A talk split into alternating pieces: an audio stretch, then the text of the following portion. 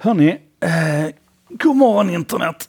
Och ledsen för den relativa tystnaden under en period här. Det finns naturligtvis skäl till det, men jag tänker inte lägga tid på det. Utan istället så hoppar vi rakt in i det som har hänt med Uber här nu, den senaste shitstormen runt Uber. Eh, till och med med den nya vdn så verkar de ha en förmåga att dra till sig eh, någon slags negativ uppmärksamhet. Men jag tror det är för att vi missförstår så mycket av det de gör.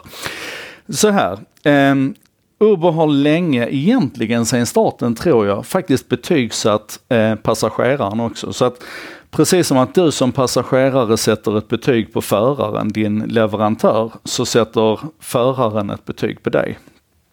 Och hittills har man använt det som ännu ett element i att hantera supply and demand. Ni vet det som, det som Uber är så fruktansvärt duktiga på, att istället för att ha ett fast pris eh, som bara varierar med veckodagen så att det är dyrare att åka på en söndag, så har ju Uber haft sin dynamiska prismodell så att en, en regnig tisdag så kan det komma att kosta mer att åka en Uber än vad det kostar en solig söndag.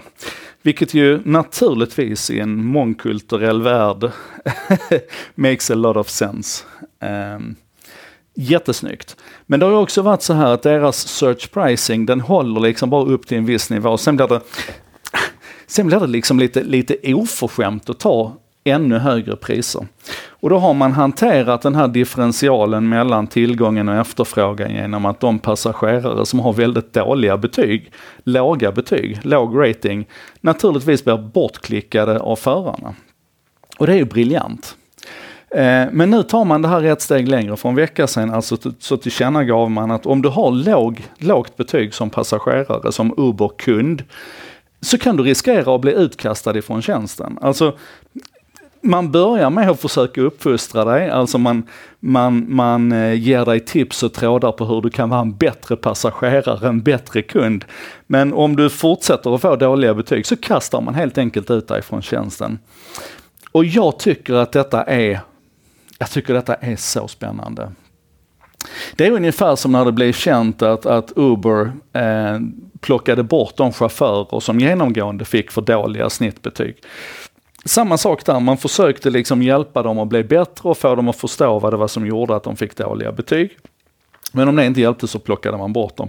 Och då gick ju, hela världen gick ju i taket och sa det här är ju hemskt att liksom en algoritm och att dina betyg som kund ska få avgöra om den här människan får ha kvar sitt jobb.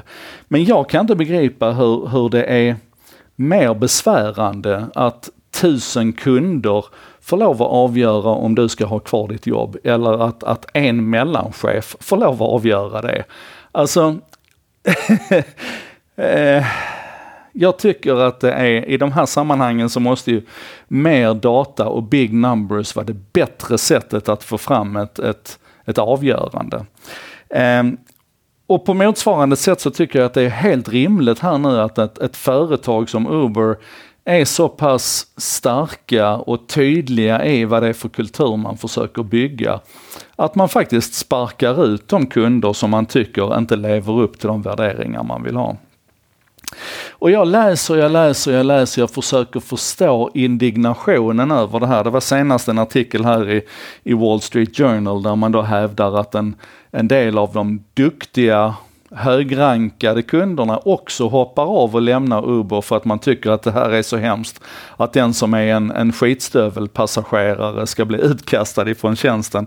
Och jag kan inte begripa det. Alltså, det här är väl ett steg i rätt riktning, precis som jag så många gånger har sagt om internet överhuvudtaget och transparensen och, och så vidare. Att, att å ena sidan så så måste vi bli mer toleranta, vi måste förstå alla våras olikheter.